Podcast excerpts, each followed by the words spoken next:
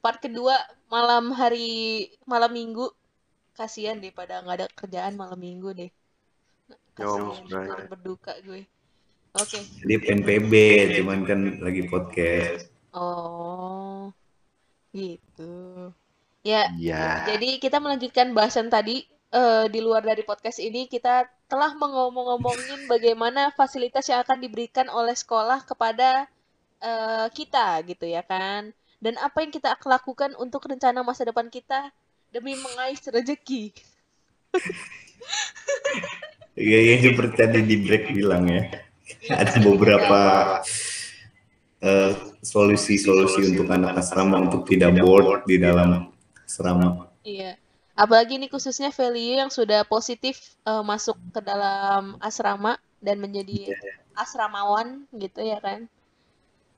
Kita akan memberikan advice-advice dan saran-saran yang sangat berfaedah ini ya kepada Velio bagaimana cara berjuang di dalam sana gitu. Tadi.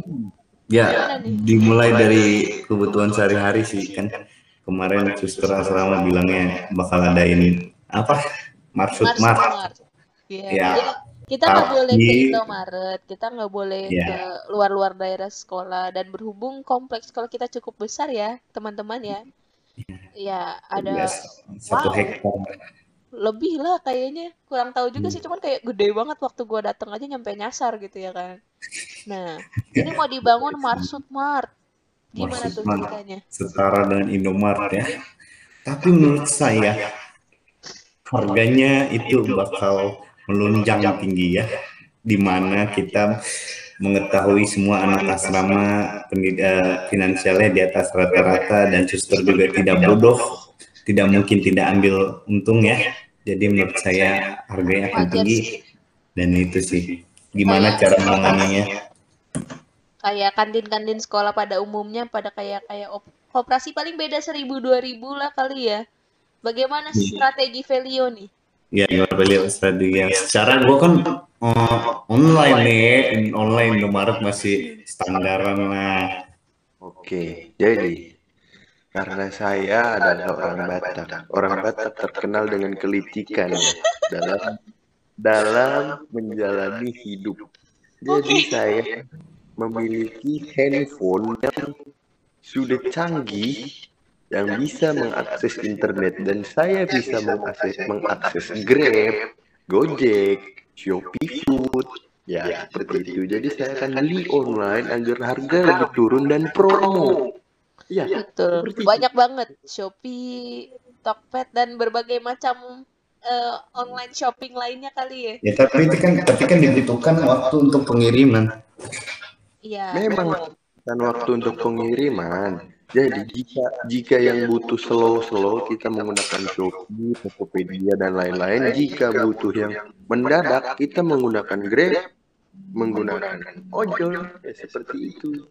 Iya. Nanti tapi kan ada ketemuan ya sama antara ojol dengan Anda. Ya, pasti ditahan satpam. Pasti ditahan deh.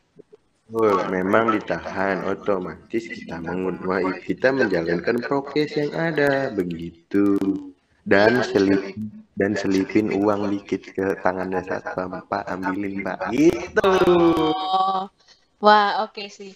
Cuman kalau menurut gue ya, eh, dengan media lu bisa eh, online shopping gitu ya kan. Lu tuh eh, biar setidaknya nggak bokeh-bokeh amat nih sebagai uang tambahan jajan gitu ya.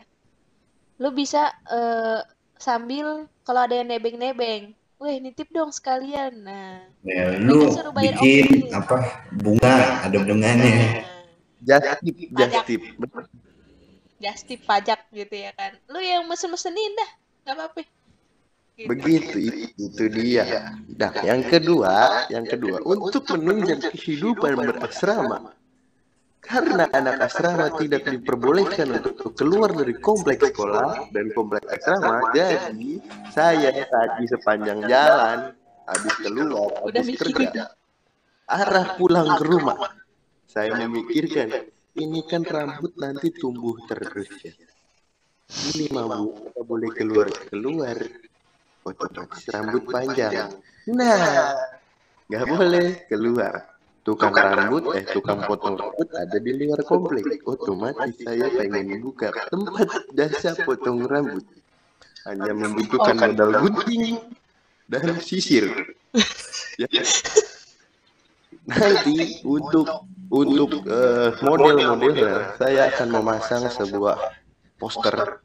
model pertama. Rapihin aja bang model yang kedua. yang penting oke okay, kan? siap. Yang ketiga botak. Eh, paling gampang. Yang keempat pinggirnya aja bang.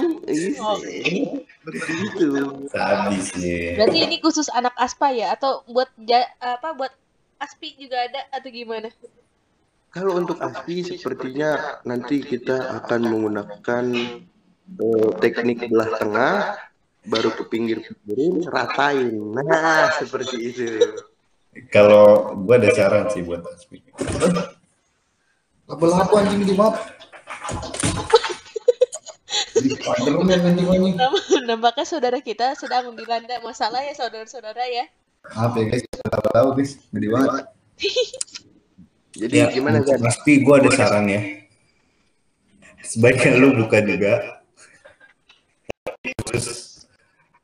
khusus cewek yang mau kanker aja. Yeah. Coba.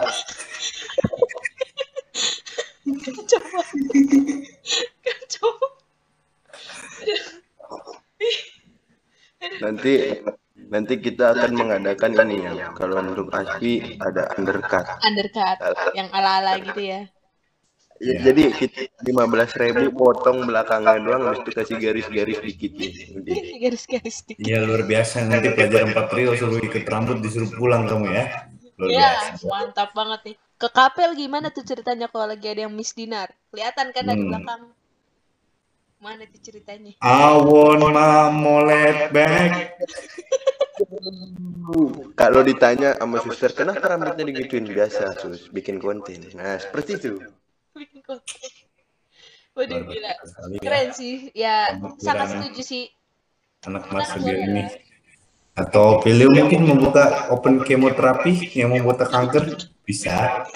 Bisa bisa bisa bisa. Aduh.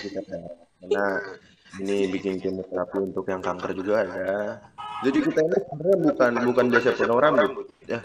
Sebenarnya kita ini uh, komunitas mengayomi para pe, para apa maksudnya? Ah itulah pokoknya yang kanker gitu Iya, intinya kita tuh tujuannya membantu juga ya kan, biar makin sehat gitu.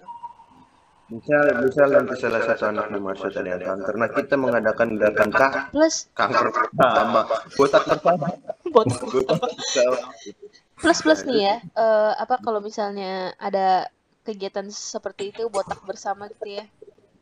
Nanti yang mau yang mau ikut gerakan bentak bersamanya juga tetap dikenakan ini ya untuk dikenakan biaya karena ingat potong rambut tidak gratis.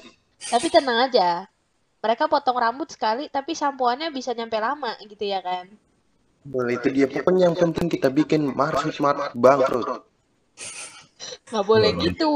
Gak Mungkin boleh. nanti suster memiliki idea untuk membuat untuk rambut. jasa cukur rambut juga kali. Ya, dia mungkin akan memanggil dan membayar. Ya, mungkin atau susternya. Kayak kita nggak pernah tahu ya suster itu jago nyukur atau enggak gitu ya. ya tapi yang pasti suster tahu kita orang kaya, ya. ya. Jadi tidak mungkin murah ya. Harusnya sih ya. Kayaknya kalau kayak gitu kita kayak kalau lagi asrama biasa, kita kan kadang suka uh, uh, makan atau misalnya kadang-kadang kita suka apa berenang gitu ya kan. Ya uangnya diganti buat cukur rambut juga nggak apa-apa lah. Gue yakin sih nggak bakal dikenain biaya sih. Kecuali masuk karena kalau tidak tahu suster saja. Kita biaya sama. Aduh. Aduh tapi kan emang perlu kata udah denger nih jadi curhat curhatan curhatannya orang-orang nih katanya mereka ya mereka juga butuh gitu ya kan ya butuh gimana apa? ya ya butuh duit buat makan sehari-hari gitu Ya kan, cuman mungkin kenapa nggak lima ratus ribu? Secara bukannya udah dipotong ya? masih sejuta cok. Oh, kurang tahu juga sih. Saya kan udah kenal lama. Kalau lima ratus ribu mengingat bahwa anak asrama lebih dari 20 orang. Dan kalau Perbandingan Di- eh, anak asrama sama karyawannya kan berbanding sangat jauh ya kan? ya karyawan kan paling cuma bisa hitung jari ya. Ya gitulah kira-kira. Ya cuman ya gimana ya mungkin ada perhitungan buat biaya-biaya yang lainnya mungkin biaya listrik atau gimana kan kita tidak pernah tahu ya karena gedung asrama cukup besar. Tapi bukannya listrik masuk ke sekolah. Oh beda. Asrama kan Beda. beda sendiri. Kita aja kalau mau masuk sekolah kemarin ada biaya gedung asrama, ada gedung sekolah gitu. Listrik. Listrik pasti jarang dipakai lah. Kan nggak ada yang ini. Anda tahu tetap apa yang paling saya benci? Bangun pagi tidak ada air. Ya, luar biasa asrama. Untung Aspi selalu ada air. Mungkin Ya. Aspa kali sering manjet-manjet. Saya bangun jam 5 pagi rebutan kamar mandi ya sampai ke toilet SD, toilet SMP ya. Biasa iya? Iya, Kasihan kami sekali. kami cari toilet, kami bangun jam 5. Cari toilet setengah jam. Nungguin air setengah jam. Jam 6. Udah kapel. Ya, kalian asal mau tahu aja di Aspi itu kadang tuh udah bel baru mandi. Salah satunya teman kita. Hmm, teman saya. Ibel. Nggak boleh ngomongin orang. Kenapa? Si, Iya. lu mau nggak? Lu tahu nggak kalau anak aspa berasa berasa jadi teroris pas kapan? Kapan? Pas kita mau coba mandi di kamar mandi kapel. Itu kapel suster. Rumah suster. Hmm. Emang boleh? Enggak, maksudnya berusaha buat coba mandi itu eh, lu gerebek lewat pintunya, lu terobos apa gimana? Di, dibolehkan, dibolehkan. Jadi kita menggunakan anduk di samping kan kayak teng tereng tereng tereng tereng tereng gitu. Iya seperti itu. Kita mendekatkan diri kepada ajal. Eh tapi gue penasaran sama pertanyaan ini. Di aspat tuh kan kalau mandi biasanya ada yang satu orang itu dua orang, tiga orang, empat orang bahkan pernah ya empat orang kalau memang kepepet banget ya. Ramai amat. Kalau di aspi nggak? Hasbi paling ujung-ujungnya maksimal itu tuh ya paling dua lah, satu dua atau iya kayaknya kalau bertiga kayaknya agak sempit ya. Ya, kamu- itulah. Anda tidak tahu ya betapa gelinya kalau kesenggol kita pelkul. Ya, ya Aspi ya. Kalau mandi bareng juga paling ujungnya belakang-belakangin gitu loh, ngerti gak sih? Paling cuma lu cuma kelihatan pantat doang gitu loh. Ngerti gak sih? Oh, kalau kalian kalau kalian palingan cuma dua atau tiga ya? Iya. Oh, kalau di aspa bisa lima orang itu di pojok paling kanan tuh. Di pojok paling kanan itu lu tau nggak ngapain? Apa? Tendangan corner. Oh. Nggak ngerti. Ya oke. Eh, Ya, ya Pokok kalau kamu masuk aspa, lihat ke lantai dua, ya. Habis itu ada kamar mandi pojok paling pojok. Pokoknya kalau nggak pojok kanan, kalau nggak pojok kiri, pasti penuh aja itu tiap sore, tiap malam, nah, itu pasti penuh. oh, Pasti penuh. Walaupun kamar mandi yang sampingnya kosong semua, pokoknya itu pasti penuh. Cuman dulu katanya, dulu katanya, dulu Aspi sama Aspa itu masih sering main. Ngerti gak sih? Main. Itu katanya. Main, jadi eh, anak Aspi main ke Aspa, anak Aspa main ke Aspi. Cuman sekarang kan kita udah nggak boleh ya. Mitosnya kan Gue tuh kepo, gue tuh kepo. kan Aspa mitosnya kan ini cowok mitosnya ada yang Jangan. nguak nguak Jangan. Ish. Ya. Gimana ya? Aduh. Ya, menurut gue itu sih etika sih ya etika sih. nggak ada etika gitu nguak di asrama ya kayaknya agak sensitif ya konten kita ya malam ini. Astaga. Jadi nanti fasilitas asrama ada fasilitas ngewe red doors ya. Dah, gitu. anda tahu gimana rasanya eh, di mana anak asrama merasa seperti jadi mata-mata Mata-mata. Eh sebenarnya kalau di Aspi itu lebih tepatnya ya Aspi Spi sih nggak seramai Aspa ya. Makanya kayak kadang-kadang kayak creepy creepy gitu. Ketika kita. FYI, FYI buat kalian Iya. jadi FYI gitu, ya kan? Nah, eh, anak aspi itu tuh karena kita saking kekeluargaan, kalau kalian itu mandi sampai berlima, eh, kalau gue sama teman-teman gue tuh pernah luluran bareng, nggak pakai baju, pakai, Ah, kita kan mandi pakai baju ya pele.